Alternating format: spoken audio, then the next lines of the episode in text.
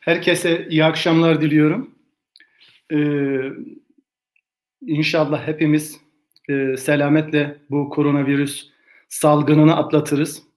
Hepinize hayırlı Ramazanlar diliyorum. Sahat afiyet içerisinde geçirmenizi Yüce Allah'tan temenni ediyorum. Ee, bu akşam e, size Covid-19 salgını sonrasında e, uluslararası siyasetin e, nasıl şekilleneceği, e, ne tür gelişmelere gebe olduğu konusunda e, bazı e, hususları e, o, tartışmaya açacağım bu konuda hasbihal etmeye e, çalışacağız. E, son zamanlarda herkesin dilinde tek bir husus var. Acaba bu Covid-19 salgını dünyayı nasıl etkileyecek? Hepinizin malumu, daha önceki herhalde SETA seminerlerinde arkadaşlarımız da vurgulamışlardır.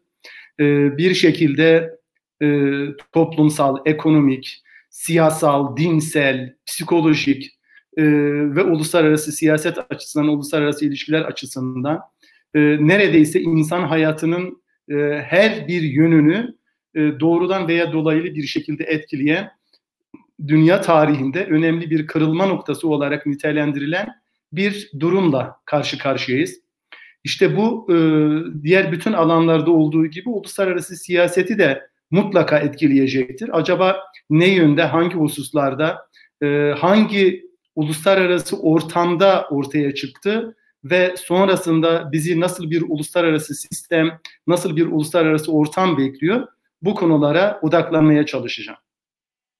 Bir kere şu, e, koronavirüs e, salgını büyük ihtimalle e, birkaç e, yıldır veya e, özellikle artan küresel aktörler arasındaki e, çatışmacı ve rekabetçi siyaseti daha da e, arttıracaktır, daha da yoğunlaştıracaktır diye düşünüyorum. Bunun e, akabinde ben e, bir süredir zaten baskı altında eleştirilere maruz kalan liberal dünya düzeninin de ciddi bir baskı, daha ağır bir baskıyla karşı karşıya kalacağını e, ve bir meydan okumayla karşı karşıya kalacağını e, düşünüyorum. Bunun e, birkaç temel nedeni var. E, bunları e, ifade etmeye çalışayım. Birincisi şu, şu anda içinde bulunduğumuz dönemde bir e, zayıflayan hegemon ve bir de yükselen muhalif güç, e, meydan okuyan güç ile karşı karşıyayız. Yani bir tarafta e, hegemonik noktada, küresel liderlik noktasında e, iradi olarak veya zorunlu olarak e, dünya liderliğinden e, çekilen e, ama aynı zamanda zayıflayan bir Amerika Birleşik Devletleri var. Ama ona mukabil e, ekonomik alan başta olmak üzere pek çok alanda e, bir muhalefet e, olarak ortaya çıkan, daha doğrusu bir alternatif sunmaya çalışan bir yükselen Çin gücüne ve iradesine tanıklık ediyoruz. Bu koronavirüs e, krizi sonrasında bu sürecin biraz daha hızlanarak e, devam edeceği beklenir. Tabii ki bu beraberinde e, bir takım sıkıntıları, e, sorunları e, ve e, büyük ihtimalle de e, çatışmaları beraberinde getirecektir diye düşünüyorum. Peki zayıflayan hegemon ABD'nin politikalarından kastımız nedir diye e, sorduğumuzda e, verebileceğimiz cevaplardan bir tanesi şu. E, bir kere e, Amerika Birleşik Devletleri özellikle Trump'ın iktidara gelmesinden sonra küresel liderlik yapmaktan vazgeçmeye başladı. Küresel kamusal malları temin etmekten vazgeçmeye başladı. Ne e, kastediyorum bununla? E, küresel kamusal maldan kastım e, özellikle uluslararası barış ve güvenlik ve istikrar en azından e, bir de ekonomik kalkınma, ekonomik refah temini konusunda e, genellikle e, hegemon devletten e, beklentiler var. Amerika Birleşik Devletleri Trump yönetimiyle beraber hepten bunu e, terk etmeye başladı. E, ve bunun e, bir uzantısı olarak da mesela uluslararası örgütlere, küresel veya bölgesel uluslararası örgütlere hatta hemen hemen bütün çok taraflı siyasal ekonomik platformlara uzak durmaya başladı. Yani bunlara şüpheyle yaklaşmaya başladı. Öyle bir noktaya geldi ki e, Trump yönetimindeki ABD e, ittifakları bile sorgular hale geldi. Yani bu e, NATO söz konusu olduğunda Avrupalı devletleri ile Amerika Birleşik Devletleri arasında farklı bakış açıları oluşmaya başladı. E, artık e, e, bir şekilde e, ellerini taşın altına koymalarını amiyane tabirle maliyete katlanmalarını gerektiğini e, dolayısıyla Amerika Birleşik Devletleri'nin bu noktadan itibaren e, onlara güvenlik şemsiyesi temin etmeyeceği NATO üzerinden açıklamış oldu. E, Almanya başta olmak üzere bütün önemli Avrupalı devletleri daha fazla savunma bütçelerine pay ayrılması konusunda e, uyarmaya e, başladı Amerika Birleşik Devletleri. Tabii ki Amerika Birleşik Devletleri'nin yönetimi iktidara geldiğinde hepinizin malumu önce Amerika sloganı ile geldi. E, aslında bazılarına göre yalnız Amerika e, olarak da tevil edilebilir bu. E, Trump yönetimi daha çok iç siyaseti öncelemeye e, çalışıyor. Dolayısıyla uluslararası gelişmelere ve sorunlara kayıtsız kalmaya başladı. Bu çok önemli bir e, güç boşluğunu beraberinde getirdi doğal olarak. İşte Çin veya başka bir devlet yarın öbür gün bu ortaya çıkan küresel ölçekteki güç boşluğundan istifade etme e, yollarını e, aramaya çalışacaktır. E, tabii ki Amerika Birleşik Devletleri'nin bu küresel hegemonyadan vazgeçişinin e, önemli bir boyutunda da uluslararası hukuku, hukukun kurallarını, uluslararası normları, uluslararası onların koymuş olduğu liberal değerleri, e, prosedürleri, e, uluslararası rejimleri görmezden gelmeye e, ve ihlal etmeye başlaması önemli bir e, kriz ortaya çıkardı. Bu da önemli bir kaos demekti aslında. Sadece bir e, sorun konusunda e, bunu dikkatinize çekmek istiyorum. Mesela Trump yönetimi son bir son üç buçuk yıl içerisinde e, mesela e, Filistin-İsrail konusunda uluslararası e, hukukun e, uluslararası siyasetin bütün kurallarının normlarını alt üst eden bazı kararlar aldı. Mesela Kudüs'ün İsrail'in birleşik Kudüs'ün İsrail'in ebedi başkenti olmasına dair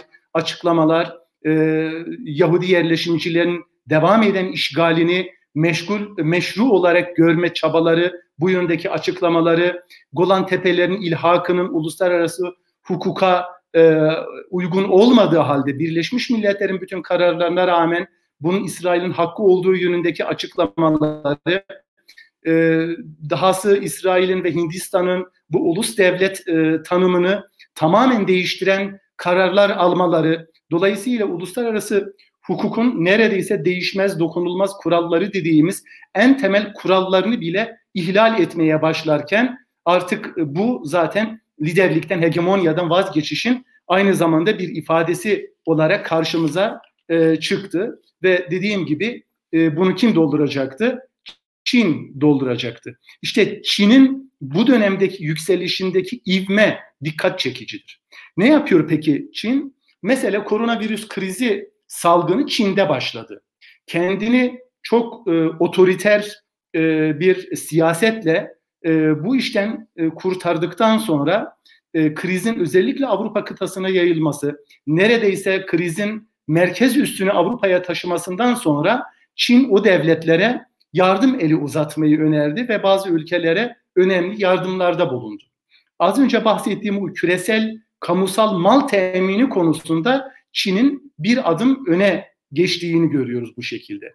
Mesela Avrupa Birliği kendi üye devletlerine bile el uzatamazken Çin'in e, özellikle Akdeniz e, havzasındaki Avrupa Birliği üyesi ülkelere e, ve özellikle Sırbistan'a, İtalya'ya yaptığı yardımlar sonrasında e, uluslararası, uluslararası gözlemciler tarafından e, çok farklı bir şekilde yorumlanmaya başladı. Dediğim gibi bu siyasal pastadan, e, küresel hegemonyadan e, pay alma çabası olarak ifade edildi ki çok yanlış olmasa gerek. Çünkü hegemonya ancak e, malumunuz e, diğer devletlerin rızası üzerinden yükselebilen bir e, kurumdur. İşte Çin de e, bu kurumsallaşmayı gerçekleştirmeye çalışıyor. Özellikle bu virüs sonrası dönemde. Çin'in e, önemli bir hamlesi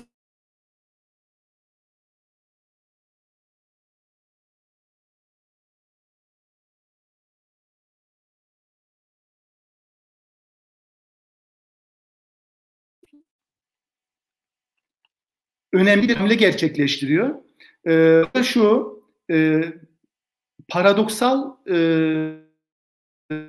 bir biçimde hem e, Batı merkezi uluslararası örgütlere desteğini arttırdı. E, onlar üzerinden uluslararası siyasete etkili olmaya çalışıyor. Ama öbür tarafta e, mevcut e, Batı merkezli uluslararası örgütlere alternatif olabilecek yeni e, kurumsallaşmalara gittiğini ve yeni e, ekonomik, politik e, kurumlar ortaya çıkardığını ve bunun üzerinde Batı hegemonyasını ABD başta olmak üzere e, Batı hegemonyasına meydan okumaya çalıştığını görüyoruz. Birinci noktadan bakıldığı zaman Amerika Birleşik Devletleri, Birleşmiş Milletler ve İhtisas örgütlerle arasına bir mesafe koymaya az önce ifade ettiğim gibi ortaya e, mevcut uluslararası dini arttırdı. Son dönemde tartışılan konulardan bir tane koronavirüs e, salgın e, çıkış döneminde içerisinde olan Dünya Sağlık Örgütü'nün e, Çin'i daha az hasarla karşı karşıya bırakmak, e, onu yüzüstü bırakmamak e, adına siyaseten e, onun lehine açıklamalar yaptığı tartışması çok fazla. Dolayısıyla bütün dünyayı yanılttığı konusunda iddialar var. Hatta ABD başta olmak üzere pek çok batılı devletten bu yönde Dünya Sağlık Örgütü'ne eleştiriler hatta yarın öbür gün davalar da olabilir. Ee, işte Dünya Sağlık Örgütü hepimizin malumu Birleşmiş Milletler ihtisas kuruluşlarından bir tanesi aslında daha çok AB ile irtibatlı batılı devletlerle daha yakın ilişkiler içerisinde olmasını beklediğim, beklememiz gereken bir e, kuruluş olmasını düşünüyoruz. Fakat öyle değil. Dediğim gibi Çin daha fazla e, yatırım yapıyor bu alana, daha fazla önemsiyor. E, zannedersem Birleşmiş Milletler'in mesela 16 ihtisas kuruluşundan dört tanesinin başında mesela Çin vatandaşları bulunuyor. Yani Çin'in o alana yaptığı yatırım sadece sağladığı fonlar üzerinden değil, yetiştirdiği insanlar ve yerleştirdiği insanlar üzerinden de hatta başka ülkelerin vatandaşları üzerinden de e, etkili olmaya çalıştığını görüyoruz. Ama e, bunun devamında şunu söylemek lazım. Çin bir taraftan mevcut uluslararası sistemin devamını istiyor. Neden? Çünkü mevcut gidişat Amerika Birleşik Devletleri ve Batılı devletlerin lehine değil. Çin gibi e, belki BRICS ülkeleri başta olmak üzere batı dışı devletlerin daha çok işine yarayan bir e, süreç içerisinde olduğumuzu söyleyebiliriz. Belki bundan dolayı zaten Amerika Birleşik Devletleri bu sürecin gidişatından memnun olmadığı için o uluslararası örgütlere verdiği desteği çekti veya e, liberal ilkelerden, liberal demokrasi ve liberal ekonomi ilkelerinden vazgeçmeye e, daha korumacı ve daha milliyetçi bir çizgiye e, evrildiğini söylemek mümkündür. İşte Çin bu noktada e, dediğim gibi e, mevcut uluslararası sistemin mümkün mertebe devamını istiyor. Çünkü gidişat Çin'in ulusal menfaatlerini daha fazla sağlayan bir noktada daha az maliye daha fazla fayda elde etme noktasında bulunuyor. İşte böyle bir çıkmaza doğru gidiyoruz. Çin bunun da farkında olduğu için e, ikinci bir kulvarı da ihmal etmiyor. Nedir o ikinci kulvar? Ee, Batı merkezli uluslararası örgütlere, evrensel veya bölgesel örgütlere alternatifler oluşturmaya başladı. Ve bu alternatifler üzerinden aslında orta vadede kendi hegemonyasının önüne açan bir siyaset izlediğini, bir e, stratejik e, plan uygulamaya koyduğunu söylemek mümkün. Peki bununla ne kastediyoruz? Mesela 2016 yılında Çin e, başkenti Pekin merkezli e, Asya Altyapı e, ve Kalkınma Bankası'nı kurdu. Bugün itibariyle yüzden fazla e, kabul edilmiş üyesi var. E, 48 ülkeyle başlamışlardı. Çok kısa bir süre içerisinde dünyanın pek çok önemli aktörünü, devletini buna dahil ettiler. E, dediğim gibi Pekin merkezli bir e, uluslararası e, finansal kurum olarak bunu düşündüğünüzde e, mesela bunun e, daha sonra e, aslında bir, bir yıl önce 2015 yılında kurulan Yeni Kalkınma Bankası ile beraber düşündüğümüzde ki o da 2016 yılında faaliyetlerine başladı. BRICS ülkeleri tarafından e, merkezi e, Şangay olmak üzere yani Çin'in Şangay şehri asıl finans merkezi olmak üzere bir e, kalkınma bankası kurdular. E, BRICS ülkeleri de biliyorsunuz işte e, Brezilya, Rusya, Hindistan, Çin e, ve Güney Afrika e, Cumhuriyeti bu e, beş önemli devletin bir araya gelip kurduğu e, bir e, kalkınma bankasının uluslararası siyasete çok etkili olması bekleniyor.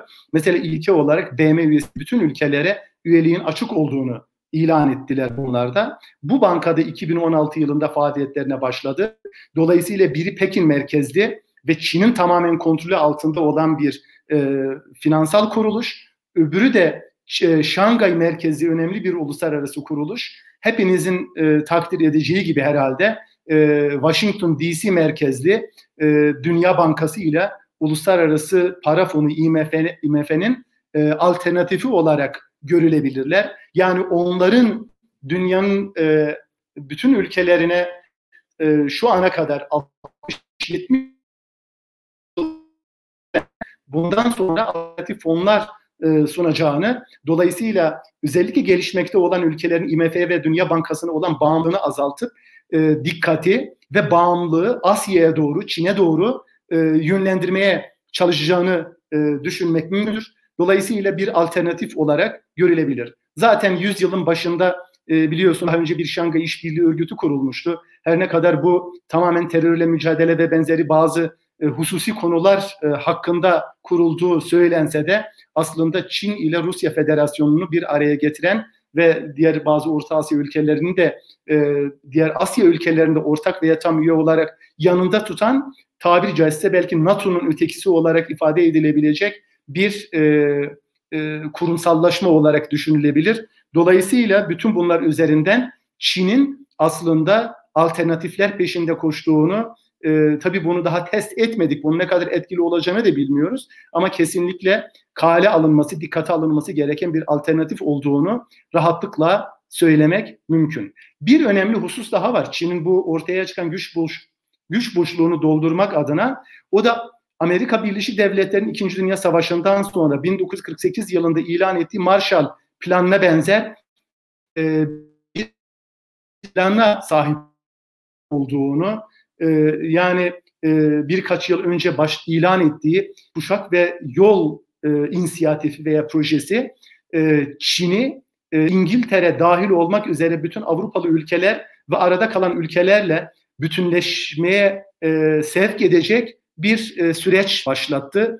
Özellikle Avrupalı devletleri hedef alıyor Çin bu noktada. Çünkü Avrupalı devletler hepimizin malumu Amerika Birleşik Devletleri'nin hegemonyasının en önemli takipçileridir. Yani o e, eskinin e, muda tabiriyle hür dünyanın e, en önemli bileşenleri Avrupa kıtasında bulunuyordu, Batı Avrupa'da bulunuyordu. Şimdi Çin bir anlamda gözünü oraya da dikmiş.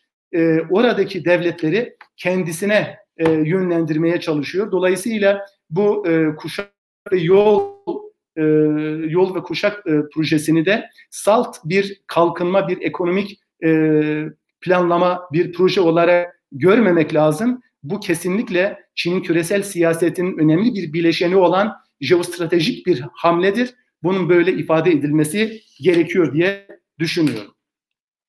Evet, önümüzdeki e, bu şu anda yaşadığımız krizi ve bu krizin bir e, çözüme kavuşturulup kavuşturulmayacağı veya krize e, krizin çözüme kavuşturulmasından sonra nasıl bir siyasetin şekilleneceğini belirleyen en önemli gelişmelerden bir tanesi de mevcut dünyanın az önce bahsettiğim e, zayıflayan hegemon ve yükselen e, muhalif güç dolayısıyla bir e, çatışmacı siyasetin hakim olduğu, e, milliyetçiliklerin e, yönetimlerde etkili olmaya başladığı, e, dolayısıyla bu sıfır toplamlı e, siyasetin e, bütün küresel e, devletlere hakim olmaya başladığı bir dönemdeydik. Ben bunun artarak devam edeceği kanaatindeyim. Çünkü önümüzdeki günlerde e, yine paradoksal olarak karşımıza şöyle bir durum ortaya çıkacak. Bir e, taraftan e, bu koronavirüs salgını gibi, bu pandemisi gibi, küresel salgın gibi e, tek bir devletin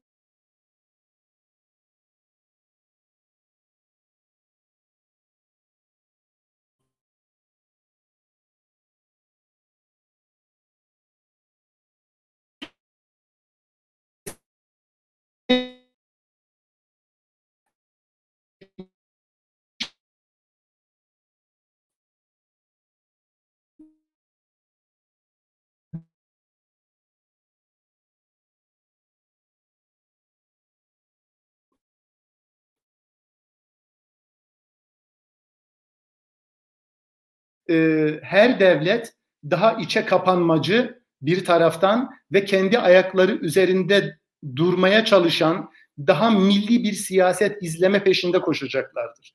Çünkü her ne kadar bu e, koronavirüs evrensel bir kriz olsa da biz aslında e, çözümün daha çok ulusal ölçekte arandığına tanıklık ettik. Buna Avrupa Birliği üye devletleri de dahil olmak üzere.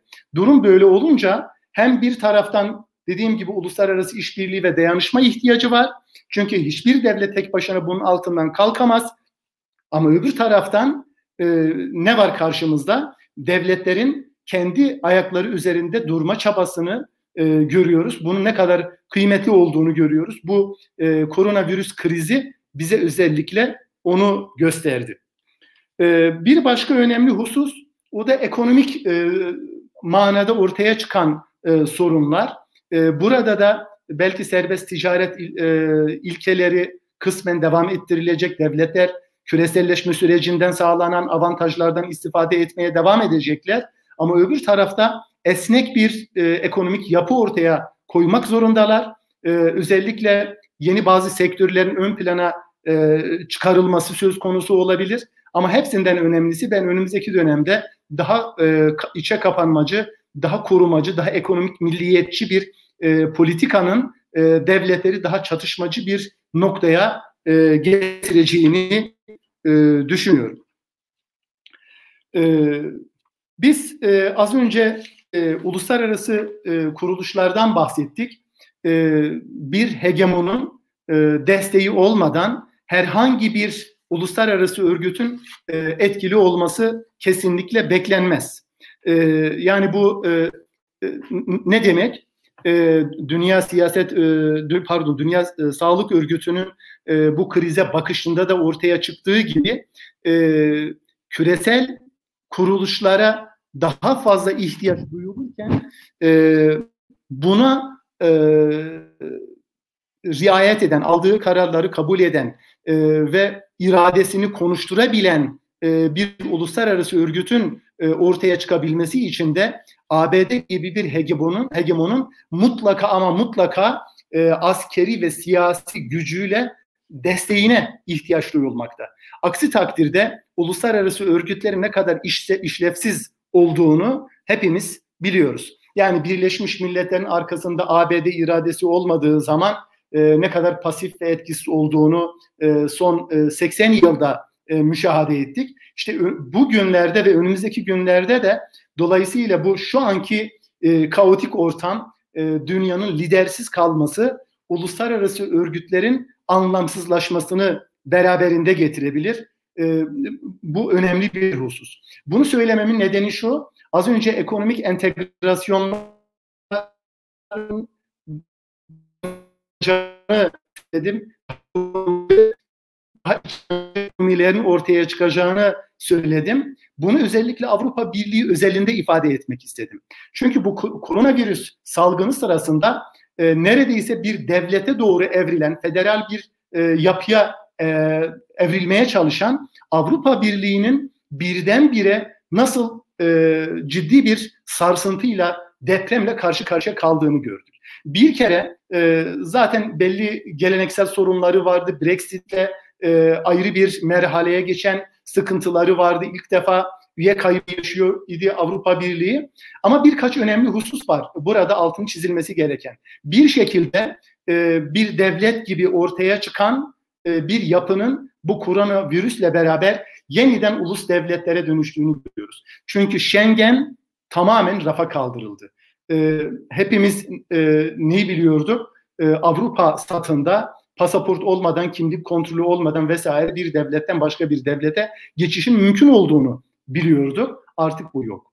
Yani bu e, Schengen'in pardon Schengen uygulamaya konulmasından bu yana ilk ciddi geri adım oldu. Bu geri adımın daha sonra bir alışkanlığa e, dönüşüp dönüşmediğini şu noktada bilmiyoruz. Ama Avrupa Birliği'nin bundan çok büyük bir kayıpla çıkacağını e, söylemek mümkün. Başka bir önemli husus da şuydu. Ekonomik olarak bütün ilişkilerin, e, bütün siyasetin ortak olduğunu biliyoruz. Yani para birimi dahil olmak üzere her şeyin ortak olduğu bir bağlamda koronavirüs salgını ile mücadele etme söz konusu olduğunda işlemediğini gördük. Yani burada özellikle e, belki son 10 yıldır, 12 yıldır 2008'deki ekonomik krizden bu yana gittikçe derinleşen yeni bir siyasal ve ekonomik fay hattı var Avrupa Birliği bağlamında. Ben bunun bu virüs e, salgını sonrasında daha da derinleşeceği ve ağırlaşacağı kanaatindeyim. O da kuzey e, ülkeler ile güney ülkeler arasındaki e, fay hattıdır. E, hepinizin hepimizin malumu güneyli Akdenizli ülkeler çok daha fazla etkilendiler. Yani sağlık sistemleri çökme noktasına geldi. Her birisi 20 binden fazla insanın hayatını kaybettiği bir e, durum, bir kriz yaşadılar.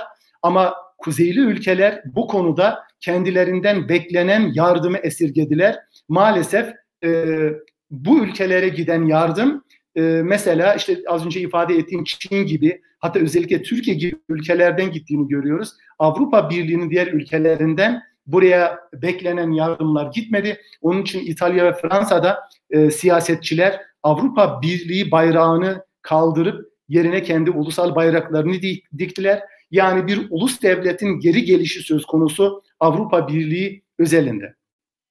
Eğer bunu genelleştirerek e, ifade edeceksek şunu söylemek mümkün. Dünyanın başka yerlerinde de serbest e, pazar çabaları vardı. E, ekonomik bütünleşme çabaları vardı. Bölgesel ekonomik bütünleşme çabaları vardı. Ben bunun bir süre rafa kaldırılacağı kanaatindeyim. Çünkü önümüzdeki günlerde e, bu virüs e, salgını sonrası her devletin kendi ulusal siyasetlerini tahkim etme derdine düşeceğini az önce ifade ettiğim gibi kendi ayakları üzerinde duran e, siyasetler izleyeceğini e, düşünüyorum. E, dolayısıyla e, bu noktada e, yine e, liberal dünya sisteminin e, önemli bir e, geri adım atma durumunda kalacağını e, ifade edebiliriz.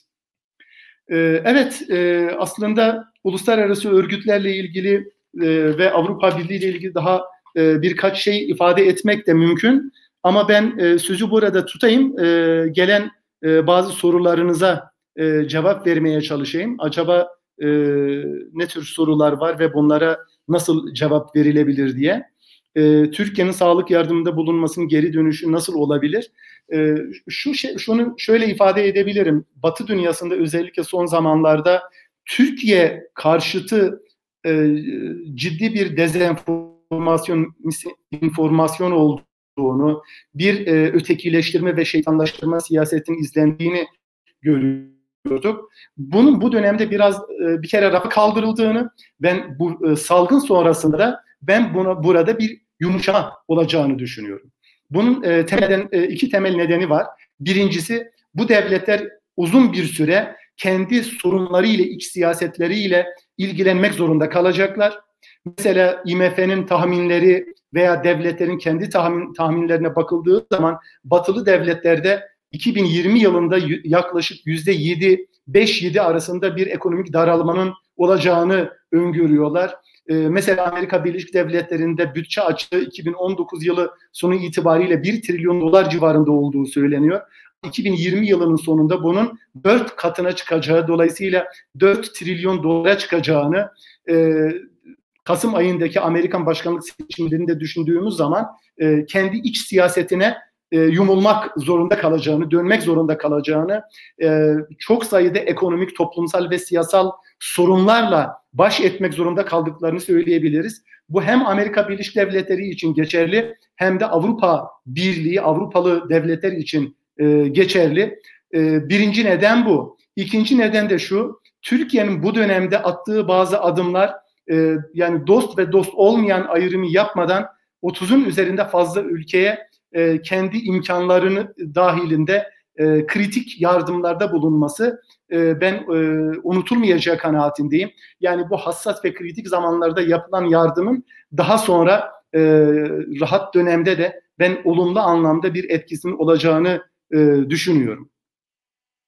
Devlet yönetim sistemleri çatırdamaya mı, çatırdamaya mı başlıyor? Anarşik ve anarşik görünümlü yapılar kaos için sokağı karıştırmak isterler mi?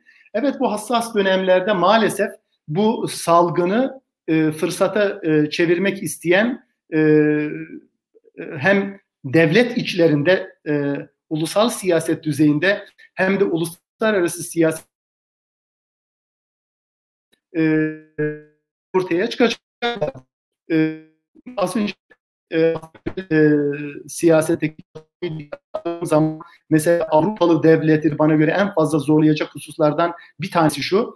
E, hepinizin hepimizin malumu Avrupalı devletler hala eski sömürgelerin yakasını bırakmış değildir. Yani hala onları doğrudan veya dolaylı sömürmeye devam ediyorlar. Eğer bu hegemonik e, değişim dünya liderliğinde bir değişim yaşanacaksa, bir güç değişimi dönüşümü olacaksa bundan en fazla zarar görecek devletlerin başında o sömürge imparatorlukları gelecek. Mesela Fransa devleti artık Batı Afrika'daki sahil şeridindeki Afrikalı ülkeleri o mazlum gariban ülkeleri sömüremeyecektir. Ve hepiniz biliyorsunuz hem ekonomik olarak, e, finansal olarak e, e, hala bunlardan çok ciddi bir şekilde istifade ettiğini biliyoruz. Yani e, hazinesinde e, hazinelerinde tuttukları her iki dolardan birisinin Fransız Merkez Bankası'nda tutulduğunu dikkate aldığımız zaman e, onların kullandığı ortak para biriminin bile Fransızlar tarafından empoze edildiğini düşündüğümüzde doğal olarak Fransa'nın çok ciddi bir kaybı olacak. Zaten hali hazırda kendi içinde kendi kendine yetebilme konusunda sorunları olan bir devlet eğer sömürgelerle olan bağını da koparırsa yani öbür gün Çin'in e, belki Rusya Federasyonu'nun hatta Brezilya'nın, Türkiye'nin, başka devletlerin e, Afrikalı devletlerle veya Afrika dışındaki, e, Batı dışındaki e, diğer devletlerle ilişkilerini geliştirmeleri e, sonrasında ben bu geleneksel sömürge devletlerinin imparatorluklarının çok daha ciddi bir meydan okumayla karşı karşıya kalacaklarını düşünüyorum. Bir arkadaşımız Avrupa Birliği'nin geleceğini nasıl görüyorsunuz diye söylemiş. Az önce zaten kısmen ifade ettim. Avrupa Birliği e, bana göre çok ciddi e, ek sorunlarla karşı karşıya kalacak. Mesela şu anda İngiltere, Fransa, İtalya başta olmak üzere en fazla zarar gö- gören kesim hatta devletin neredeyse el uzatmaktan aciz kaldığı bazı kesimler var. Yani dezavantajlı kesimler. Bu koronadan da en fazla zarar gören e, maalesef bunlar oldu. Peki kim bunlar? Ve Avrupa'nın geneline, Avrupa Birliği'nin geleceğine de zarar verecek olan bu kırılgan kesimler olacaktır. Birincisi yaşlılar. Yani huzur evleri, e, hep evlerinde kalanlar veya kendi evlerinde kalanlar, yalnız yaşayanlar. Devlet bunlara bir şekilde el uzatamadı. Avrupalı devletleri biz genellikle sosyal devlet olarak biliyorduk. Onlar kendilerini en azından böyle takdim ediyorlardı. Fakat nasıl ciddi bir sorunla karşı karşıya kaldıklarını gördük. Yani bütün vatandaşlarına el uzatamayacak kadar aciz olduklarını gördük. Özellikle e, bu e, yaşlıların ve yalnız yaşayan insanların kendi kaderlerine terk edildiklerini ve bunların önemli bir kısmının maalesef hayatlarını kaybettiklerini görüyoruz. E, başka bir önemli e, kırılgan kesim e, sokakta yaşayan e, insanlar yani devletin e, sosyal güvencesinden mahrum olan kesimler var ve bu Avrupa'da sayıları son zamanlarda gerçekten artmış idi. Ee, diğer e, yani devlet dışı aktörlerin el uzatmaya çalıştığı bir grup idi bunlar. Fakat önümüzdeki günlerde e, yani bu kriz döneminde de bunu yaşadık. Önümüzdeki günlerde bunların da önemli bir daha önemli bir e, siyasal ve ekonomik sorun toplumsal sorun olarak ortaya çıkacağını görüyoruz. Başka bir önemli kırılgan kesim mültecilerdir. Yani bu kriz dönemlerinde e, zaten var olan bu popülist, faşist, neofaşist dalga, aşırı milliyetçi, yabancı düşmanı e, dalga e, Avrupa'da ve diğer e, yani genel olarak batılı ülkelerde ben artacağını düşünüyorum. Zaten ciddi bir ivme kazanmıştı. Bazı ülkelerde iktidara geldi, bazı ülkelerde ana muhalefet e, partisi olmuşlardı veya hiç meclise girmesi düşünülmeyen ülkelerde de mecliste önemli birer siyasal aktör olarak siyasetin içerisinde aktif hale geldiler.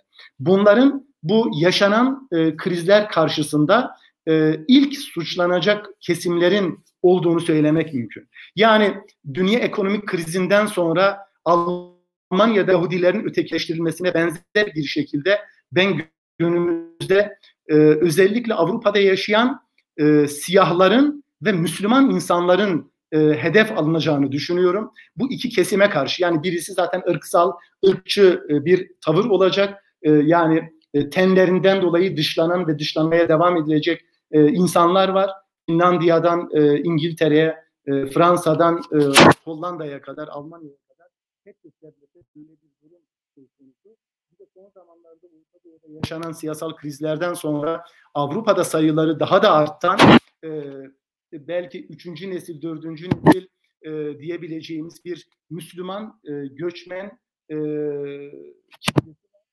öncekilerle beraber bunların bir bütün olarak ben e, dışlanacağını, daha fazla ayrıcı politikaya maruz bırakılacaklarını düşünüyorum.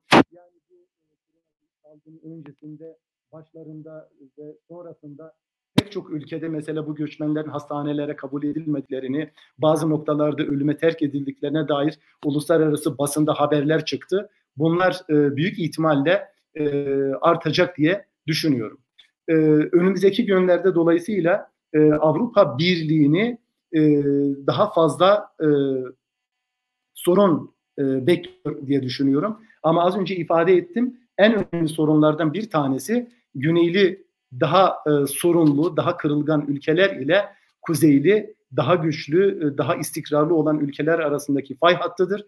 Ben bu fay hattının e, Avrupa Birliği içerisinde hali hazırda ciddi bir güvensizlik oluşturduğunu ve bunun önümüzdeki günlerde artacağını düşünüyorum. Ee, ABD, Çin ve Dünya Sağlık Örgütü arasında geçen COVID-19 tartışmaları küresel örgütlere karşı güven anlamında ne tür etkiler oluşturur? Dediğim gibi e, bunlar e, yani öyle ifade etmek lazım. E, küresel uluslararası örgütler genellikle hegemonun dümen soyunda giden e, kuruluşlardır. Çünkü ilke olarak uluslararası kuruluşlar uluslararası antlaşmalardan hareketle kurulurlar. Dolayısıyla uluslararası hukukun en önemli aktörleridir onlar. Uluslararası kuralları, normları, geliştirirler. Bu da şu demektir. Bunlar genel manada e, uluslararası e, istikrardan ve statikodan yanadırlar. Yani statikodan yana olmak demek de hegemondan yana olmak demektir. İşte bugün o hegemon e, artık kriz içerisinde olduğu için diğer devletler bundan istifade etme yollarını arıyorlar diye düşünüyorum. E, mesela Birleşmiş Milletler'in fikir babası Amerika Birleşik Devletleri.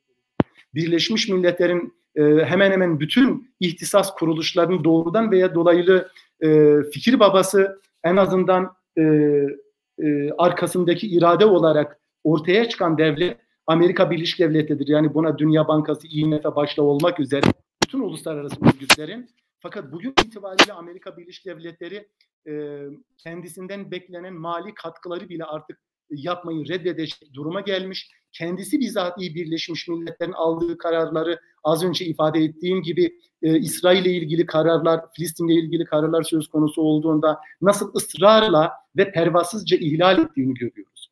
Yani şu hususun altını çizmek lazım. E, hegemon, hegemonyanın hani mutlak e, askeri güç ve mutlak ekonomik gücün yanında bir de rızaya dayalı bir e, sistem öngörür. Hegemonik sistem.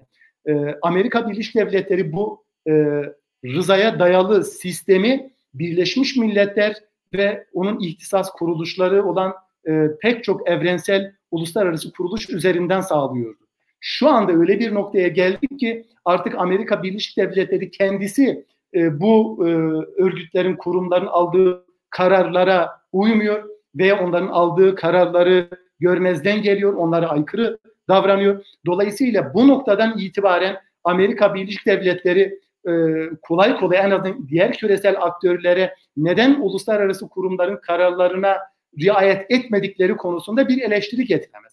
Yani dolayısıyla ne yaptı? Amerika Birleşik Devletleri rızaya dayalı hegemonik sistemine son verdi. Bunun yerine daha tek yanlı kendi dostlarının bile rızasını almaktan e, e, almak istemeyen e, davranışlar e, sergilemeye başladı. Siyasetler belirlemeye başladı. Özellikle bu 11 Eylül 2001 e, terörist saldırısından sonra oluşmaya başladı. Çünkü Amerika Birleşik Devletleri NATO'nun rızasını alarak belki oradan karar çıkararak Afganistan'a müdahale etmişti. Fakat Irak'ın işgali ne Birleşmiş Milletler'in ne NATO'nun herhangi bir uluslararası örgütün kararı yoktu. Dolayısıyla irade yoktu. ABD'nin tek başına aldığı bir kararın e, tezahürüydü. Ama Trump'la beraber bu daha da artmaya başladı. İlke olarak aşırı milliyetçi bir fikri temsil eden ve e, e, önce Amerika, yalnız Amerika sloganıyla yola koyulan bir yönetimin e, tek yalnız siyaseti sonrasında ben Avrupalı devletlerin bile bugünkü durumda Amerika'ya e, güven duymamaya başladığını, Amerika'nın kurduğu uluslararası örgütlere güven duymamaya başladığını e, söyleyebiliriz. Bunun üzerine zaten Çin e, yedekte kendi hegemonyasının araçları e, olarak işlev görecek uluslararası kuruluşları kurmaya çalışıyor. E, Asya Altyapı Kalkınma Bankası'nı, Yeni Kalkınma Bankası, e, Bankası'nı vesaire bunları bu bağlamda değerlendirmek lazım diye düşünüyorum. Covid-19 sonrasında Asya ülkelerin güçlendiği bir evreye böyle değerlendirilebilir mi?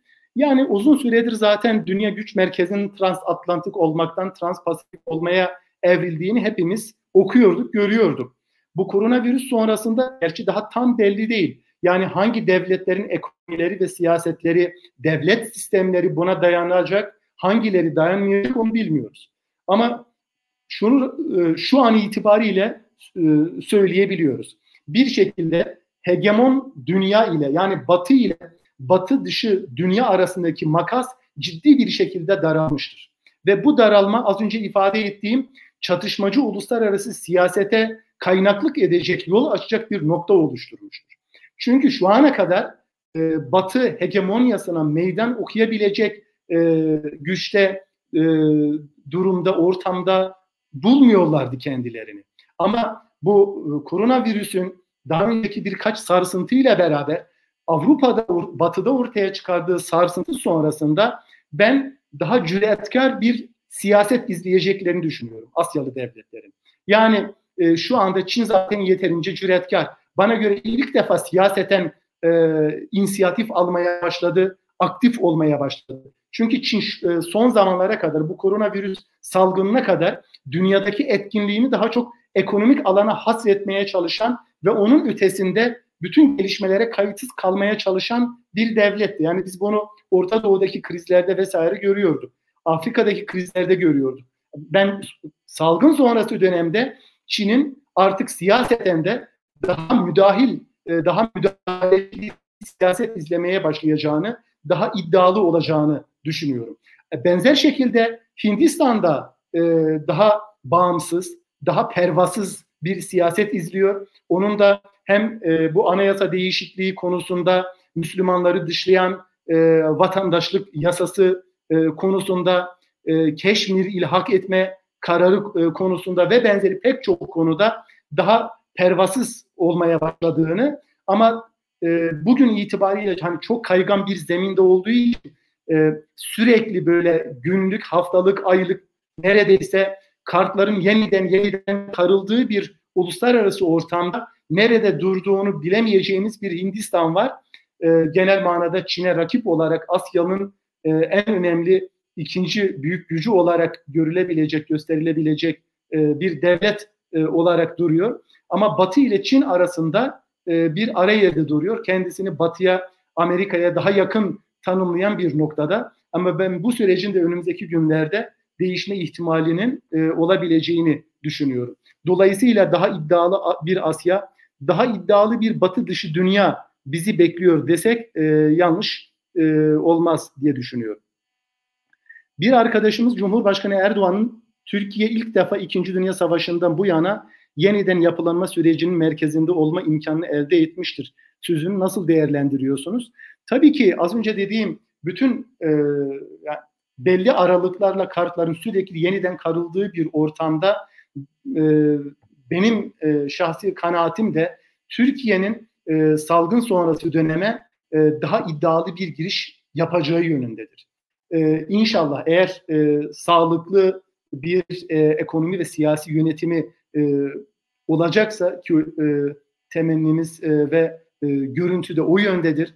E, özellikle bu kriz e, sürecini şu ana kadar bana göre çok başarılı bir şekilde yönettik. E, yaptığımız uluslararası yardımları vesaire de dikkate aldığımız zaman daha kuşatıcı ve daha proaktif bir e, uluslararası aktör olarak belki e, tabiri caizse eğer ortam oluşursa e, bölgesel bir güç olmaktan küresel bir güç olma yolunda e, bir kulvar değişikliğine bile e, gitme ihtimali yüksektir.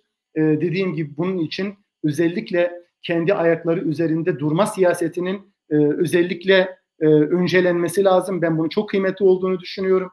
Son zamanlarda e, Türkiye'deki savunma sanayi başta olmak üzere sağlık sanayindeki bu gelişmeler e, bir bütün olarak düşünüldüğünde ben Türkiye'nin e, salgın sonrası döneme daha hazırlıklı e, olduğunu, dolayısıyla daha iddialı bir e, giriş yapacağını, dolayısıyla e, daha sağlam, daha merkezi bir konum elde edeceğini düşünüyorum.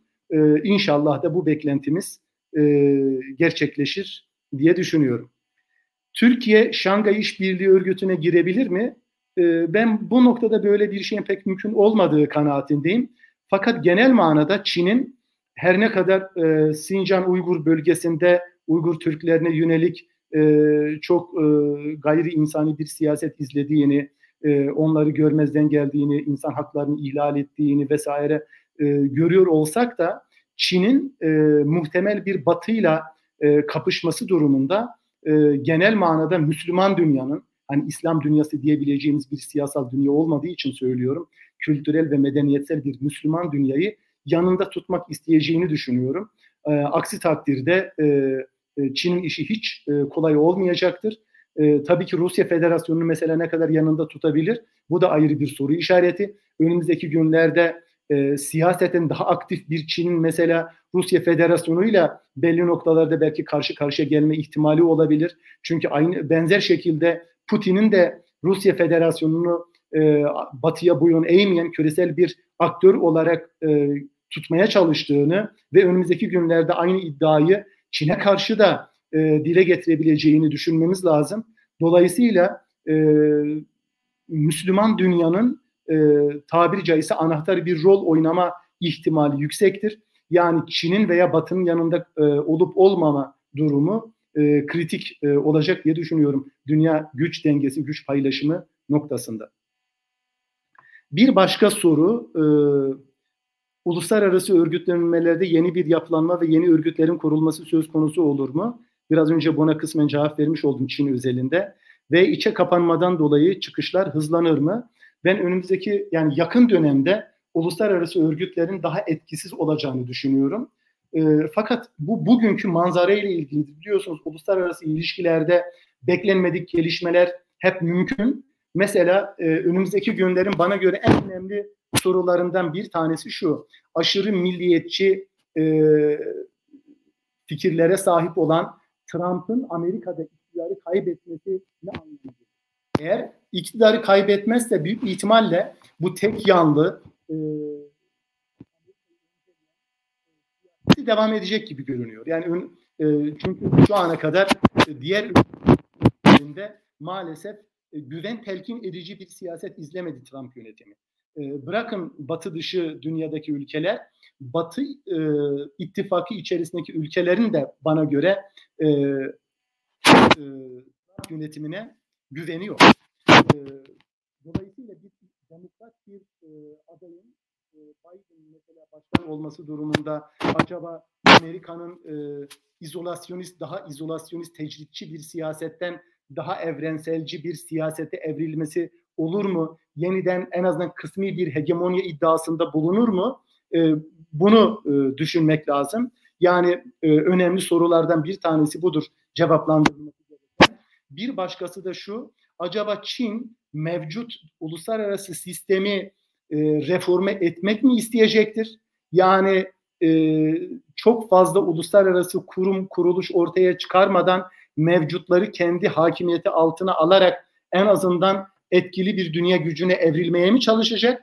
Yoksa tamamen e, Asya merkezli, Pekin merkezli bir uluslararası hegemonya inşası peşinde mi koşacak? Bu da önemli. Yani ben nihai amacın ikincisi olduğunu e, düşünüyorum fakat kısa sürede e, belki daha çok bir reform peşinde koşma e, talebinde bulunabilir. Yani e, az önce ifade ettiğim Birleşmiş Milletleri ve e, onun ihtisas kuruluşlarını e, Amerikan hegemonyasından çıkarmak, Batı hegemonyasından çıkarmak, daha evrensel, daha nötr bir alana taşımak ama onun üzerinde o noktada e, el koyup hem doğrudan hem de dolaylı olarak o örgütleri kendi e, küresel siyaseti noktasında e, istismar etmeye e, çalışacaktır. Ben birinci önceliğinin e, bu olacağını düşünüyorum. Yani daha az maliyetli bir durum aynı zamanda bir sistemik savaşa belki e, yol açmayacak bir liderlik değişimi eğer mümkünse ancak bu şekilde mümkün olur. Eğer ikincisinin peşinde koşarsa ben e, sistemik bir e, savaşın e, ciddi bir çatışmanın e, dünyayı beklediğini düşünüyorum. Yani bu biraz pesimistik bir beklenti oldu. E, dolayısıyla bir hegemonyanın mutlak bir biçimde yıkılıp yerine yenisinin inşası Avrupa'ya baktığımız zaman da bu aynı zamanda yukarıdaki Avrupa Birliği'nin geleceğiyle ilgili soruya da bir cevap olur, ek bir cevap. Ee, Avrupa'da şu anda e, yükselişte olan aşırı milliyetçi, neofaşist e, hareketler biliyorsunuz. Biz hep onları xenofobiya üzerinden, İslam karşıtlığı üzerinden, anti küreselleşmecilik üzerinden değerlendiriyoruz. Ama unutmayalım bunlar aynı zamanda e, e, anti bütün uluslararası örgütler. Yani bütün uluslararası örgütlere yapılanmalara, çok taraflı yapılanmalara karşı çıkıyorlar. Ve bunların yani Avrupa'daki o aşırı milliyetçi neofaşist dalga aynı zamanda Avrupa Birliği'ne de çok e, ciddi bir şekilde karşı çıkıyorlar. E, dolayısıyla e, önümüzdeki günlerde e, uluslararası örgütlerin hem e, küresel bağlamda hem de bölgesel bağlamda daha fazla meydan okumayla, baskıyla karşı karşıya kalacağını düşünüyorum. E, dolayısıyla daha etkisiz e, olma ihtimali yüksek. Yani önümüzdeki e, kısa dönemde e, uluslararası barış ve dayanışmaya, pardon işbirliği ve dayanışmaya e, öncelik veren e, ilişkilerin gelişme, geliştirilme ihtimali maalesef düşük diye düşünüyorum. E, ve son bir soru, Çin son günlerde Afrika kökenlilere karşı ayrımcı uygulamalara başvuruyor ve korona faturasını onlara kesmeye çalışıyor. Bu uygulamalardan sonra Çin'in Afrika'da karşı, karşılaşacağı durumu nasıl öngörüyorsunuz? Ee, tabii ki e, şu anda Afrika kıtasında en önemli aktörlerden birisi Çin. Ee, genel olarak özellikle güneyi e, üzerinde, güney ülkeler üzerinde çok etkili. Ee, ama e, şu ana kadar e, az önce bahsettiğim bu geleneksel sömürge devletlerine, sömürge imparatorlukların oradaki çıkarlarına da çok ciddi bir şekilde zarar vermiş değil. Yani bir denge durumu oluşmuş idi. E, önümüz, e, yani Çin'in e, ırkçı bir siyasete başvurup vurmayacağını doğrusu önümüzdeki günlerde bilmiyoruz. Çünkü Çin tarih boyunca hiçbir zaman e, hegemonya oluşturabilmiş değil. Dolayısıyla eğer bir hegemonya oluşturacaksa bunun nasıl bir hiyerarşi içerisinde gerçekleşeceğini kestirmek mümkün değil. Yani çok iyimser olmamak lazım. Siyaseti zaten yeterince otoriteryen e, ve kapalı. E, dolayısıyla eğer dünyaya da bu kendi sistemi sistem ile hükmetmeye kalkarsa sadece Afrika'yı değil bütün dünyayı ötekileştirir. Dolayısıyla bunun üzerinden düşündüğümüzde Çin'in küresel bir hegemonyasının e, oluşması, kurulması e, çok kolay olmayacak.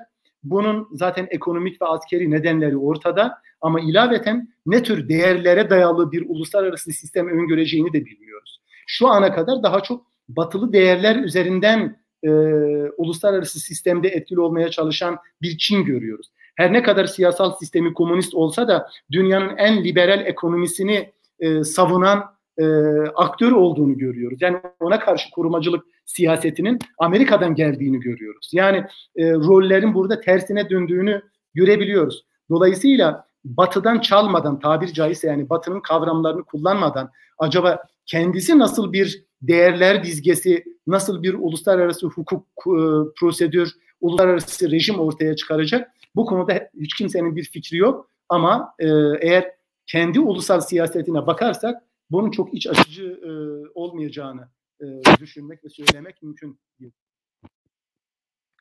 E, evet arkadaşlar e, bir e, saatlik e, bu seminerimizin e, sonuna geldik.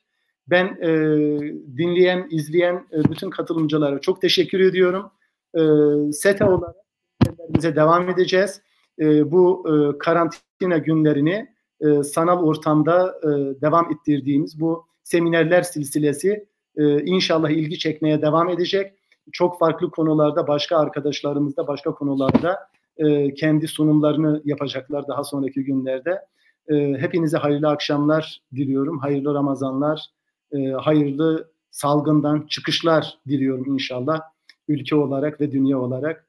Hepinize selam ve saygılarımı sunuyorum. Hayırlı geceler diliyorum.